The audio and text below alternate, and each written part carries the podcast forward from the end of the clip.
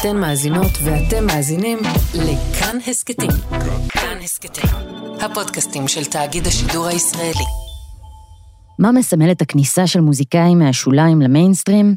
לזה יש הרבה תשובות. מה סמל הסטטוס המרכזי למוזיקאי שכבש את המיינסטרים?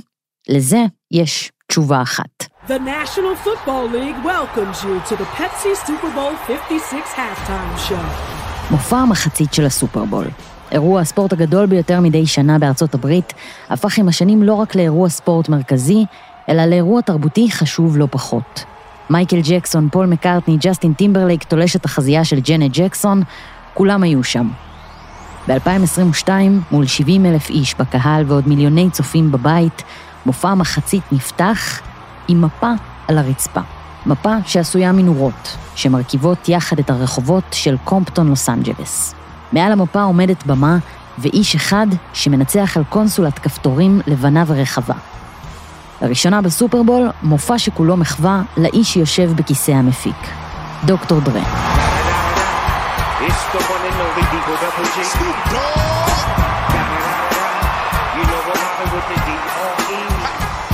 בשנת 2022 הידיעה על מופע מחווה לדוקטור דרה בסופרבול הגיעה במקרה הטוב לאייטם הבידור שסוגר מהדורות בחיוך.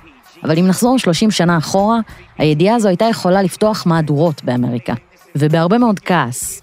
כי הסיפור של דוקטור דרה הוא בעצם הסיפור של ההיפ-הופ. איש שבתחילת הדרך האשימו אותו במהומות ובהשחתת הנוער, שקיבל מכתבי איום מה-FBI שחברות תקליטים סירבו לעבוד איתו, והיום, היום הוא אחד המפיקים החשובים, המצליחים והעשירים בעולם. השינוי הזה לא קרה ביום, אבל כן הייתה לו נקודת מפנה ברורה. הרגע שבו האנדרדוג הופך למלך החדש. והרגע הזה הגיע בדיוק לפני 30 שנה, כשדוקטור דרה הוציא את האלבום שיגדיר עידן חדש בהיפ-הופ ובמוזיקה בכלל, האלבום The Chronic, ואיתו יתחילו להתפורר מסביב, לאט-לאט, החומות של הגטו.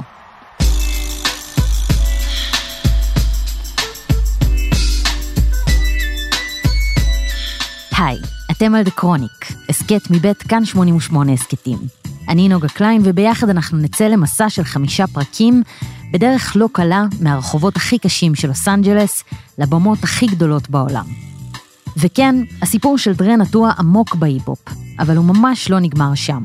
הוא סיפור על סקרנות, חופש ועקשנות, ששייך לכל מי שאוהב ואוהבת מוזיקה, ובעיקר למי ששונא להצמיד לחוקים.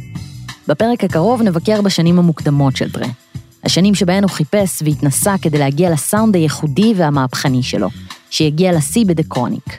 מהבית הלא יציב, דרך גילוי העולמות המוזיקליים שיעצבו אותו, ועד להבנה שאזור הנוחות שלו נמצא דווקא מאחורי הקלעים. This is dedicated to the niggas that was down from day one. Welcome to Death Row. Like we always do about this time. Yeah, nine deuce, Death Row Records, creeping while you're sleeping. Niggas with attitudes? Nah, low. Niggas on a motherfucking mission. ככה מתחיל האלבום, אבל כדי להבין את המוזיקה של דרה צריך להבין מאיפה היא צמחה. אז לפני שנגיע לדרה, קצת רקע על הבית שלו, קומפטון. Compton was the American dream. Sunny California, with a palm tree in the front yard, the camper, the boat. Temptingly close to the Los Angeles ghetto in the 50s and 60s, it became the black American dream. העיר קומפטון בלוס אנג'לס, קליפורניה, נוסדה ב-1888. היא הייתה פרבר אמריקאי קלאסי, בתים מרווחים, עם גינה וגדר, שקט, ובעיקר אוכלוסייה לבנה. אפילו משפחת בוש גרה שם תקופה. בשנות ה-30 המחירים הנמוכים יחסית של בתי הפרברים בעיר והבריחה ההמונית של אפרו-אמריקאים מהגזענות האלימה של מדינות הדרום, הביאו גל הגירה של משפחות שחורות לקומפטון. הם קיוו לבנות בה חיים טובים יותר, כאלה שבהם לראשונה גם אנשים בגוון עור אחר יוכלו לקבל חתיכה מהחלום האמריקאי. אבל מהר מאוד הם גילו שהחלומות על אמריקה חדשה עדיין רחוקים מהמציאות. בשנות ה-40 המדיניות כלפי תושבי קומפטון השחורים הייתה מפלה. חוקי הדיור הרשו להם לגור רק באזורים מסוימים. המשטרה התעמרה בצעירים שחורים בלי סיבה, והתעלמה מהפעילות של כנופיות לבנות שניסו לאיים ולהבריח את הצעירים השחורים מהרחובות בעזרת אלימות. המתח הבין-גזעי הפך את קומפטון בשנות ה-60 מפרבר סימפטי לשדה קרב. כ-25% מהאפרו-אמריקאים שגרו בעיר חיו בעוני, והם הגיעו לנקודת רתיחה, כזו שיכולה להוביל רק לפיצוץ.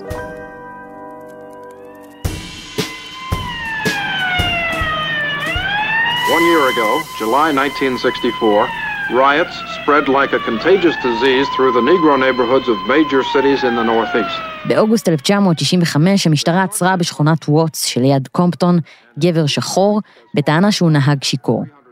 הניסיון שלהם לעצור אותו הפך לאלים, במקום נוצר עימות קשה בין המשטרה לקהל, והשמועה שהתפשטה הציתה את מהומות ווטס. שישה ימים של התקוממות שחורה ומרד מול האלימות המשטרתית. מפגינים חסמו את הרחובות והבעירו בניינים באש. כבאיות שניסו להגיע למקום לא הצליחו לפנות פצועים. כשהעשן נעלם, נעלמו איתו הרבה מהמשפחות הלבנות. קומפטון של 65 נשארה שחורה, פצועה, ענייה וכועסת מאוד.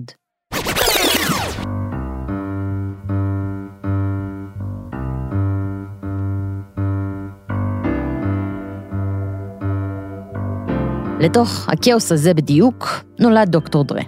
תיאודור וורנה יאנג היו זוג צעיר בקומפטון כשהם התחתנו בשנת 64. שנה מאוחר יותר, בתוך המהומות, נולד להם בן בשם אנדרה רומל יאנג, שנולד שבועיים אחרי שאימא שלו חגגה יום הולדת 16. ורנה הייתה זמרת ותיאודור היה חלק מהרכב R&B בשם דרומלס, ממנו הגיע השם השני של אנדרה. אהבה למוזיקה חיברה ביניהם, אבל היא לא הספיקה. מהרגע הראשון זו הייתה זוגיות קשה. דרה סיפר, אבא שלי עשה הרבה דברים גרועים. הוא היה איש חכם מאוד ודפוק מאוד. הייתה אצלו הרבה אלימות פיזית ומילולית, והרבה סמים. הוא היה מחוץ לתמונה עוד לפני שהתחלתי לדבר. הזוגיות הזו נגמרה מהר, וב-68 לוורנה כבר היה בן זוג חדש. היא הביאה איתו לעולם שני בנים ובת, אבל גם הזוגיות הזו לא הצליחה. ורנה, אימא של דרה, עברה בין מערכות יחסים קשות ואלימות. האלימות שגדלתי בה, דרה אמר, הייתה פשוט דבר רגיל.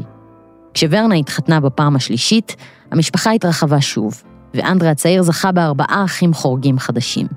אחד מהם, אגב, התפרסם מאוחר יותר בתור הראפר וורן ג'י.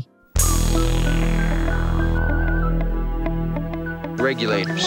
It was a clear black night, a clear white moon. Warren G was on the streets trying to consume some skirts for the E so I could get some phone. בגלל שהמשפחה שלו הייתה מקום לא יציב, מגיל קטן אנדרה בילה חלק גדול מהילדות שלו אצל הסבים שלו. הוא היה ילד שקט מאוד וחכם. לפי הסיפורים של המשפחה, אנדרה כל הזמן חשב. בזמן שדמות האב התחלפה ונשארה חסרה תמיד, היחסים של אנדרה עם אימא שלו ועם האחים שלו הלכו והתהדקו. בעיקר עם אחיו הקטן, תיירי. אימא שלי ניסתה להרחיק אותי מהאלימות בבית, ככה שיצא שלא מעט זמן הייתי עם עצמי.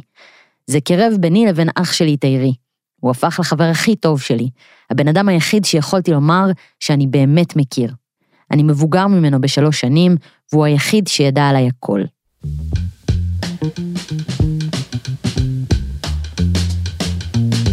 הבלגן והאלימות הפכו לחלק מהאישיות של אנדרה, אבל גם החלק השני בחיבור של ההורים שלו, האהבה שלהם למוזיקה, היה שם מההתחלה.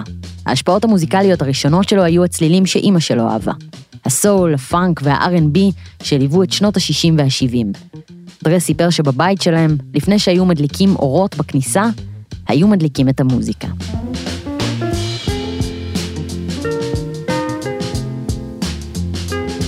אני חושבת שזה נולד בתוכו, המוזיקה. הוא אהב רעש.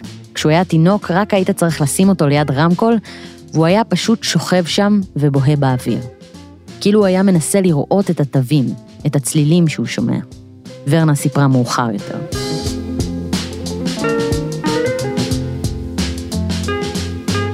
הבלגן הזה של הבית היה גם מקור של חום.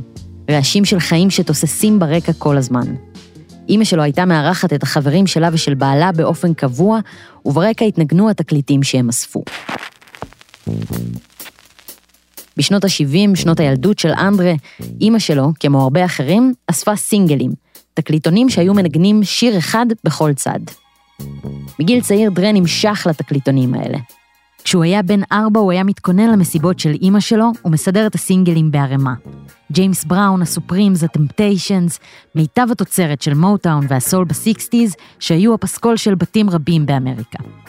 בגיל תשע הוא כבר קיבל את האחריות הרשמית על סדר התקליטונים שהתנגנו אחד אחרי השני. הוא היה מחליף ביניהם ובודק את התגובות בחדר. הוא אהב את התחושה שעם המוזיקה הוא יכול לשלוט במצב הרוח של האנשים בחדר. או כמו שהוא תיאר את זה, זה היה כמו להיות הדי-ג'יי של הבית. אבל לא בהכל אנדרה הצליח מגיל צעיר. הוא עבר מחטיבה לחטיבה, מתיכון לתיכון, בכולם הוא נכשל. אימא שלו, שהבינה איך עובדים החיים בקומפטון, ניסתה לדחוף אותו ללמוד טוב יותר. היא פחדה שאם הוא לא ישיג השכלה, אין לו שום סיכוי להשיג עבודה. אימא שלי היא אחד האנשים הכי חזקים שאני מכיר, הוא אמר.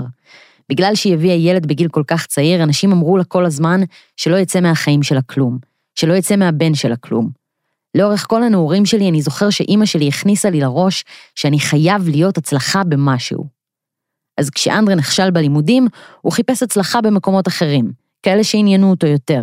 הוא הראה כישורי ציור מרשימים, הוא היה חלק מנבחרת צלילה, בשלב מסוים הוא אפילו הצטרף לחבורת רקדני ברייקדנס. למרות האהבה לברייקדנס ולתחרויות, אנדרה תמיד הגיע למקום השני. הוא רצה לשאוף ליותר, הוא רצה להצליח יותר. ורנה סיפרה שהוא היה אומר, אני צריך למצוא משהו שאני יכול להיות בו מספר אחת. לשמחתו, הדבר הזה היה שם כל הזמן, מתחת לאף. בתחילת האייטיז, איב אפטר דארק היה המועדון לצעירים של קומפטון ושל לוס אנג'לס. בכל שבת בחורים ובחורות מעל גיל 18 התכנסו במועדון, והמקום היה מפוצץ לגמרי. הסיבה המרכזית הייתה האופי של המסיבות שם. בזמן שהאורחים הגיעו מחויטים ורשמיים, ברוב הערבים עמדו על הבמה המרכזית לא זמרי נשמה ולא להקות R&B, אלא מוקד תרבותי חדש, שלקח את המיטב מהעולמות האלה וחיבר אותם ביחד. הדי-ג'יי. האיש במרכז הבמה שמנהל את המסיבה. הוא ניסה לקרוא את הקהל, להבין מה הוא רוצה, ולסובב על הפטיפונים את התקליט הנכון בזמן הנכון. מלאכה שדרה ניסה להתמקצע בה מאז שהוא היה בן ארבע בעצם. הדוד של אנדרה היה שומר כניסה במועדון. למרות שהכניסה הייתה מותרת רק לבני 18 ומעלה, יום אחד הוא הצליח להגניב את אנדרה פנימה להופעה. מי שעלה על הבמה היה אחד מחלוצי ההיפ-הופ המוקדמים מניו יורק, קרטיס בלואו. Hands, Blow,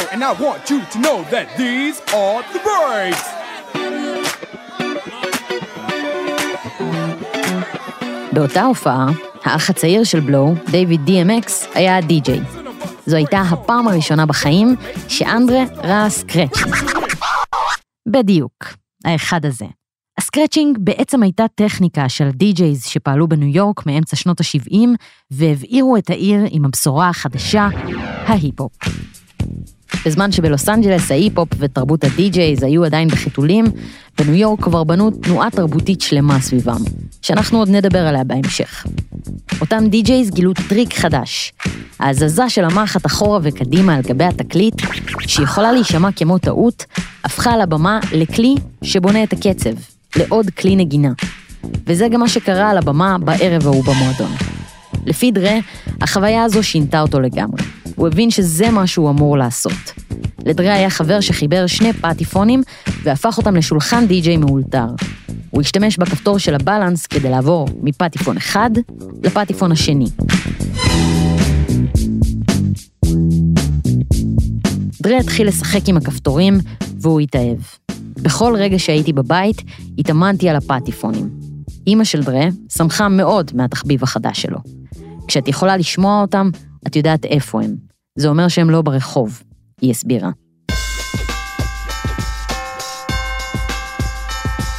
בחג המולד, אימא של אנדרה חסכה כסף, ומתחת לעץ חיכתה לו מתנה שהפכה לשלב הראשון בדרך שלו למעלה. מיקסר נומרק 1150. זו הייתה אחת המתנות הכי טובות שקיבלתי בחיים, העיד דרה. עם המיקסר החדש, דרה קיבל יכולת חדשה. להכין קלטות, או כמו שקראו להן, מיקסטייפס. הקלטות פתחו שער חדש בשביל הרבה אנשים וגם בשביל דרה. הן היו דרך קלה וזמינה להרכיב אמירה מוזיקלית, יצירה שלמה, מתוך יצירות של אחרים. קולאז' שלא דומה לאף אחד מהחלקים שלו. המשפחה של דרה באותם ימים גרה במרחק של כמה בתים מבחור צעיר בשם אריק רייט, או כמו שהחברים קראו לו, איזי אי. הוא היה בגילו של דרה וחלק מהסביבה הקרובה שלו. אחת ההופעות הראשונות של דרה כדי-ג'יי מול קהל הייתה במסיבת חצר אצל איזי. ישר אחרי ההופעה הזו התחילה עלייה לרגל של כל הילדים בשכונה לבית של דרה. הם רצו שהוא יכין להם קלטות. הייתי צועק את השם שלהם בקלטת, או מקליט אותם שידברו בקלטת של עצמם. זו הייתה הפעם הראשונה שהתחלתי לעשות כסף ממוזיקה. אם היינו סדרה מצוירת, זה היה הרגע שבו מופיעים בעיניים של דרה סימנים של דולרים. הגילוי הראשוני שהוא יכול לעשות כסף ממוזיקה הפך את תחושת הבטן שלו להבנה סופית שזה הייעוד שלו. הקשר בין מוזיקה לכסף הפך למוקד משיכה גדול, וגם למוקד של הרבה צרות שעוד יגיעו בהמשך. כשדרי היה בן 17 הוא כבר היה די-ג'יי מבוקש במסיבות של חברים. אבל זה לא הספיק. המטרה הבאה שלו הייתה לנגן במועדון אמיתי. בשנת 1982, המועדון Eve After Dark היה סנסציה. אלונזו וויליאמס, הבעלים של המועדון, עמד באופן קבוע מחוץ למקום כדי לוודא שאנשים מתחת לגיל 18 לא נכנסים. אנדרה ואיזי אי היו מגיעים בכל שבת ומנסים למצוא דרך פנימה. אבל מעבר לבעיית הגיל, הייתה להם בעיה אחרת. הם לא היו לבושים כמו שצריך. כל מי שנכנס למועדון הגיע בחליפה ועניבה, הם הגיעו בחולצות פשוטות ושרשראות. באחד הערבים, כשהם הגיעו, לונזו, כרגיל, לא הסכים להכניס אותם. דרה ניסה לשכנע אותו, וכמעט הצליח. לונזו המיואש אמר לו, אתה יודע מה? תחליפו בגדים ותחזרו בשבוע הבא.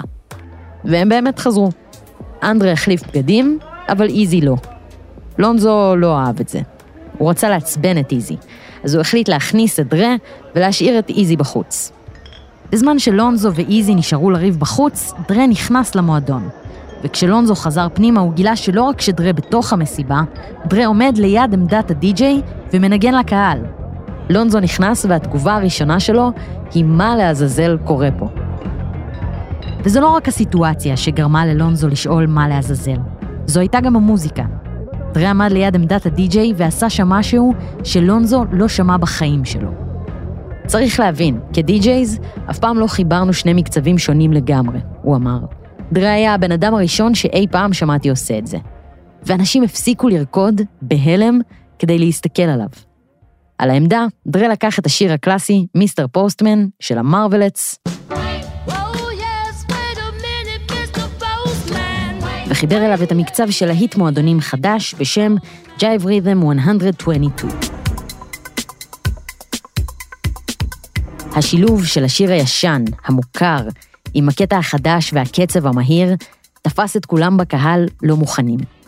או כמו שלונזו הגדיר את זה, השיט הזה היה כמו איזה קסם מוזיקלי. אנשים עדיין זזו עם הקצב, אבל הם זזו מבולבלים לגמרי.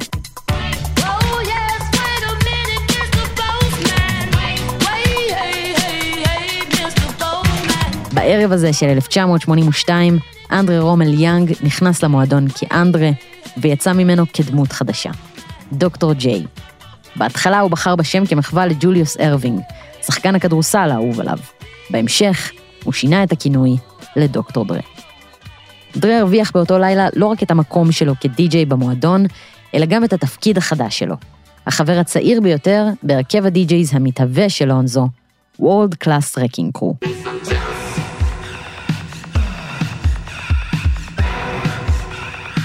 לונזו החליט לנצל את המומנטום ואת הסצנה שנולדה במועדון ולייסד מתוכה קבוצת די-ג'ייז שתעבוד כמו להקה.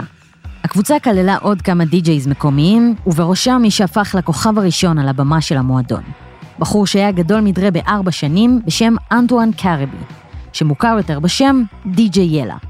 בשנת 83 הם התחילו ליצור מוזיקה, והם בחרו בשם World Class Wrecking Crew, בגלל ערימות הציוד שהיה נהרס בכל ערב שהם ניגנו בו. מהר מאוד, דרה ויאלה נהיו חברים טובים. הם הגדירו את עצמם בתור בטמן ורובין של הרקינג קרו. מאחורי המועדון היה אולפן מוזיקה קטן שלונזו הפעיל. דרה ויאלה היו מבלים את רוב שעות היום שלהם שם, בסקרנות של ילדים, מנסים להבין איך ליצור מוזיקה בעצמם. יאלה למד להפעיל מכונות תופים, ודרה השתמש בכל כלי שהיה סביבו כדי להרכיב סאונדים.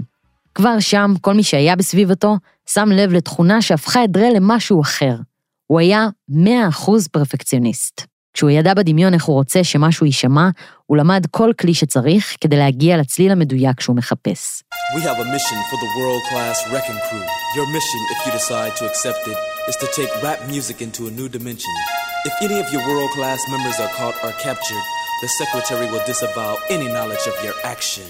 בעזרת דרה ויאלה, ה-World Class Wrecking Crew התחילו להוציא מוזיקה ב-84. לונזו היה מושפע מאוד מסוף ימי הדיסקו ומה-R&B המתוק, לפעמים דביק, של האייטיז. בשנת 85 הרקינג קרו הוציאו אלבום שכלל את הסינגלים ג'וס וסרג'רי. שני שירים שהתנגנו בתחנות הרדיו של לוס אנג'לס והפכו ללהיטים בסצנת האנדרגראונד השחורה של החוף המערבי. הרקינג קרו הפך לאחד השמות החדשים והחמים בשטח.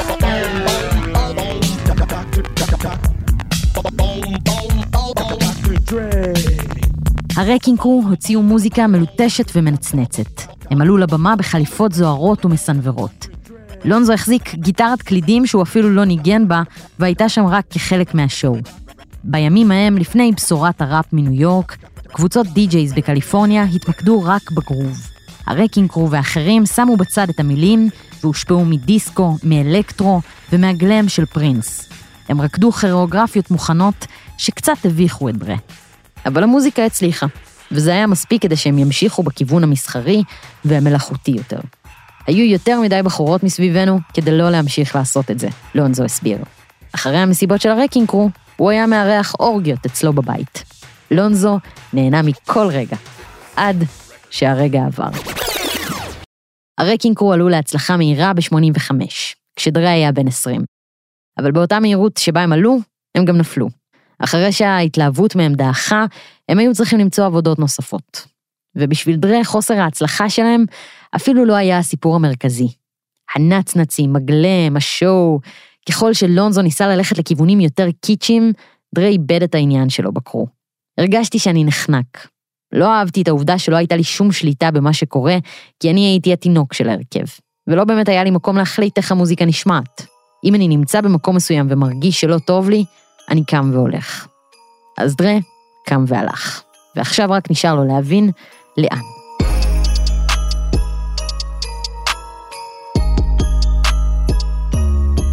בגיל 21 הוא עוצר וחושב בפעם הראשונה איזו מוזיקה הוא באמת רוצה ליצור.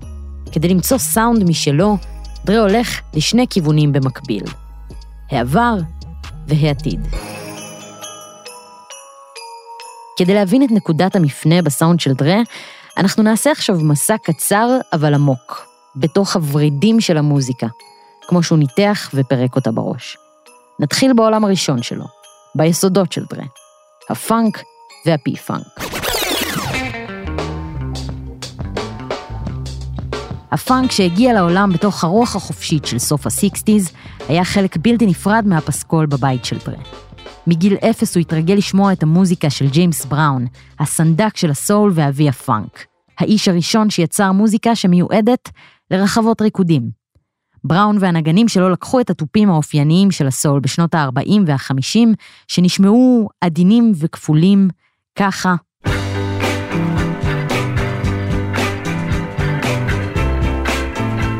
ושמו את הדגש על הביט הראשון, קצב ישיר, אחיד ומדבק, שנשמע ככה.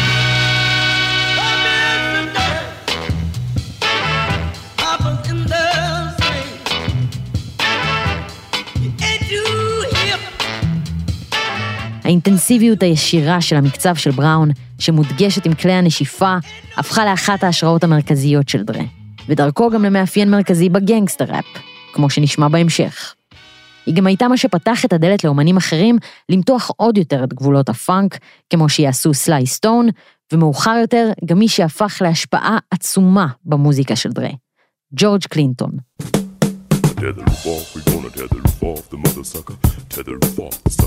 קלינטון היה דמות אקסצנטרית וצבעונית, ומי שהוביל את שני הרכבי הפאנק העצומים, פאנקדליק ופרלמנט. בשני ההרכבים האלה קלינטון הציג לעולם סאונד חדש, P-Funk, ששילב את הקצב הרקיד של ג'יימס בראון עם השפעות של רוק ושל קרטיס מייפילד וג'ימי הנדריקס עם הקסמים שלהם על הגיטרה. אלבומים כמו Maggot Brain מ-71 ובעיקר Mothership Connection מ-75 הפכו לעמוד השדרה של הסאונד החדש של דרה, ויופיעו גם ב"The Chronic", מהשימוש המשחקי בקלידים לבייסליינים פאנקיים ועד לפזמונים סוחפי קהל, כל אלה ייכנסו לתוך המוזיקה שהוא בנה, ויהפכו דרכו לבסיס של הרבה מההיפ-הופ שאנחנו מכירים היום. אז זו הייתה הצלע הראשונה בסאונד החדש של דרה, זו שמבוססת על העבר שלו. הצלע השנייה מביאה אותנו לעתיד שלו. כי בזמן שדרה והחברים שלו בתיכון בסוף ה-70's שמעו ברמקולים שירים של פרלמנט ופנקדליק, סגנון חדש עשה את הצעדים שלו במקום אחר, בעיר ניו יורק. So who are you? Oh, I'm the guy who created the culture called hip hop, but only I, Cool Herc. No Bambada, no Flash. I'm not a copycat, no disrespect. ארבעה יסודות הגדירו את ראשית ימי ההיפ-הופ. הדי-ג'יי, הגרפיטי, הבריק דנס והראפ. ב-1973, כשדרה היה בן שבע, מהפכת ההיפ-הופ יצאה לדרך בברונקס שבניו יורק. אז די-ג'יי בשם קלייב קמבל, או קול הרק, הופיע בפעם הראשונה במסיבת יום ההולדת של אחותו. אחרי המסיבה הזו התחיל לנגן בפארקים ובמסיבות בלוק עם מערכות סאונד עצומות שהוצבו בהשראת הרמקולים הניידים שהוא ראה במולדת שלו, ג'מייקה. באותם ימים די-ג'ייז ניגנו בעזרת שני פטיפונים, מעבירים משיר אחד לשיר אחר, מערבבים אותם יחד, כמו שדרה עשה.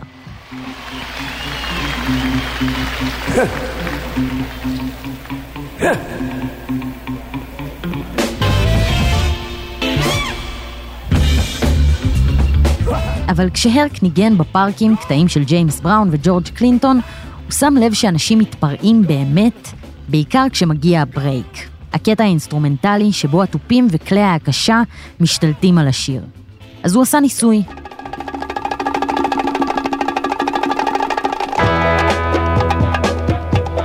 הוא לקח שני תקליטים, חתך מהם רק את ה break, וחיבר אותם לקטע אחד שכולו break אחד ממושך.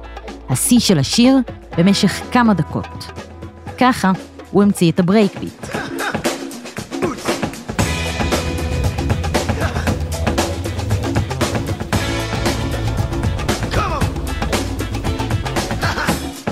ה break beat הפשיט את המוזיקה לצורה בסיסית שהיא כמעט רק קצב. גרוב מהסוג שחייבים לרקוד איתו. במובן הזה, הסגנון החדש הזכיר מאוד את הפאנק שהתפתח באותם ימים. גם אם החיבור הזה נשמע מוזר, שני הז'אנרים קשורים יותר ממה שנדמה. שניהם צמחו באותה תקופה, הגיעו מהשוליים, כללו מאפיינים של מחאה מול הממסד, ובעיקר ויתרו על אסתטיקה מתפתחת לטובת שירים ששמים את הקצב במרכז ומלאים בכוח גולמי. כבר מתחילת הדרך, ההיפ-הופ והרוק חלקו השפעות, הלך רוח, ובהמשך, גם קהל. עם ה break beats התפתח הברייק דנס. רקדנים במסיבות הרחוב המציאו שפת ריקוד שתעבוד עם המוזיקה. ואיתם נולדו ה-MC's, Master of Ceremony, שיהפכו בהמשך לראפרים. ה-MC's היו התפתחות ספונטנית. בזמן המסיבה הם תפסו את המיקרופון וקראו לקהל לקום, לרקוד ולשים את הידיים באוויר. ככה, לסגנון החדש נוצרה גם צורת שירה חדשה. המסיבות ברחובות הברונקס משכו אליהן עוד דמות חלוצית בהיפ-הופ, אפריקה במבטה. במבטה שהיה מנהיג כנופיית הבלק ספיידס, מצא את עצמו מתאהב ב break beats והפך לאחד הדי-ג'ייז החשובים במהפכת ההיפ-הופ. התקווה שהוא מצא בתנועה החדשה גרמה לו להחליף את האלימות של הכנופיה בקבוצה חדשה בשם הזולו ניישן, שקראה לתחייה תרבותית שמאחדת את ארבעת מאפייני ההיפ-הופ ומשתמשת בהם כדי לצאת ממעגל הסמים והאלימות.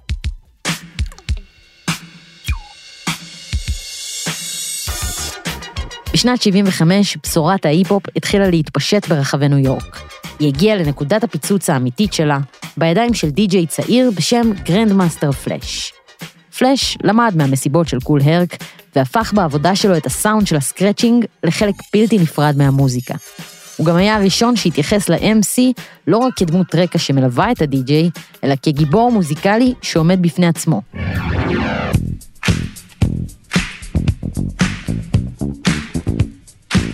בשנת 78 ה-MCs כבר החליפו את ה-DJs בתור הדמויות המרכזיות של ההיפ-הופ. שנה אחר כך, קבוצה בשם שוגר היל הוציאה את הסינגל Rappers Delight, שלקח מילים של ראפרים אחרים והשתמש בדגימה חוזרת מתוך להיט הדיסקו של להקת שיק, Good Times. Rappers Delight הפך ללהיט ענק ונכנס לרשימת עשרת הסינגלים הנמכרים בארצות הברית. וכך, בשנת 79, אמריקה כולה פגשה לראשונה את המילים היפ-הופ.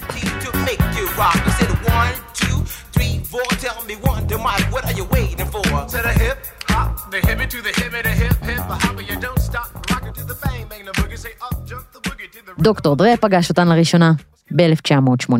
כשהוא היה בן 15 הוא נסע באוטו עם חברים ושמע לראשונה את Rappers Delight ברדיו, רגע שהוא זוכר עד היום. כשללוס אנג'לס התחילו להגיע הופעות של די-ג'ייז וראפרים, כמו אפריקה במבטה וכמו ההופעה ההיא של קרטיס בלואו, דרה הבין שהוא מצא מקום חדש. אבל הרגע ששכנע אותו סופית להיות די-ג'יי ולהתעמק בהיפ-הופ, הגיע בשנת 81, כשהוא שמע לראשונה את הקטע The Adventures of Grandmaster Flash on the Wheels of Steel. עבודת ההפקה של פלאש, הסקרצ'ים, הגרוב האינסופי שמשתלט על הגוף, זה היה במילים של דרה, השיט. You say, you say, you say, you say, you say, you say one for the trouble, two for the time. Come on, girls, let's rock that. Five, five, Freddy told me everybody slide. DJ spinning, I said, my, my, flash is back, flash is back, flash is back. אז אלה שתי הצלעות הראשוניות בעיצוב הסאונד של דוקטור דרה, ה P-Funk וההיפ-הופ. אבל בשנים שעברו מאז המפגש של דרה עם ההיפ-הופ, כשהוא עבד על קטעים קיצ'יים ב Wreckin' Cru, לבש נצנצים ורקד, בניו יורק הוקם לייבל שלקח את ההיפ-הופ לאזורים אחרים, קשוחים, פוליטיים והרבה פחות מנצנצים.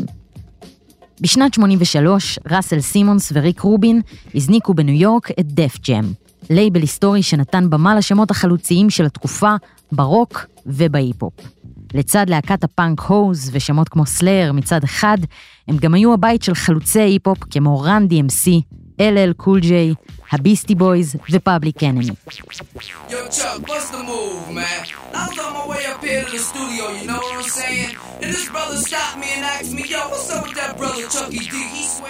כשהבשורה של ההיפ-הופ הפוליטי והבועט של Public Enemy הגיעה לקליפורניה, דרה הבין שהוא מפגר כמה צעדים מאחור. אבל לא לעוד הרבה זמן. בשנת 86, מפוחד ואבוד, דרה בעצם חזר לנקודת ההתחלה. בלי ה Wreckin' Cru, הוא היה צריך לבנות את עצמו לראשונה כמוזיקאי עצמאי, בלי ציוד משלו, בלי כסף ובלי שותפים. אבל הוא ידע שיש לו אוזן ששומעת דברים אחרת, שיש לו כישרון ונחישות. ועכשיו, בפעם הראשונה, היה לו גם כיוון ברור. בזכות שמיעת הרנטגן שלו, הוא מצא סוף סוף את המקום שבו הוא יהיה מספר אחת. עמדת ההפקה. שם הוא יוכל לשלב בין היסודות שלו ב P-Funk לבין שפת ההיפ-הופ. לקחת את הראפ האגרסיבי שהגיע מניו יורק ולחבר אותו לחוף המערבי. בדיוק בצומת הדרכים הזו, חזר לסיפור מישהו שהיה גם הוא בצומת דרכים משלו.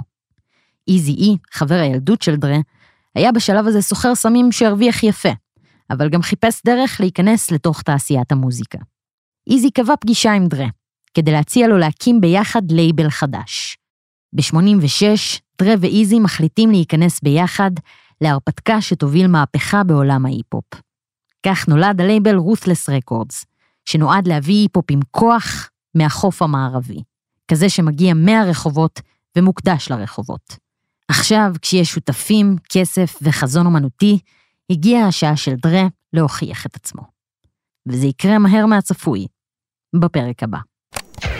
Woke up quick at about noon. Just thought that I had to be in Compton soon. I gotta get drunk before the day begins, before my mother starts bitching about my friends. האזנתם לפרק הראשון במיני סדרה The Chronic מבית כאן 88 הסכתים. פרקים נוספים וסדרות נוספות תוכלו למצוא באתר כאן 88 וביישומון כאן. אנחנו נמצאים גם בכל יישומוני ההסכתים. רשימת מקורות אפשר למצוא בעמוד ההסכת. את המיקס והסאונד של הפרק ערכה רחל רפאלי. הפקה ועריכת פסקול, תומר מולביטזון. תחקיר, צהי הגוס. סייעו בהפקה גיל מטוס ועופרי מקוב. תודה לאיתי צימר, עופרי גופר, עינב יעקבי, תומר קריב ולמיכאל אמת. אני נוגה קליין, בואו להגיד שלום בקבוצת כאן הסכתים בפייסבוק. Went to the park to get the scoop. Knuckleheads out there, cold shooting some hoops. A car pulls up, who can it be? A fresh El Camino rolling Kilo G. He rolled down his window and he started to say, It's all about making that GTA. Cause the boys in the hood are always hard. They come talking that trash, we'll pull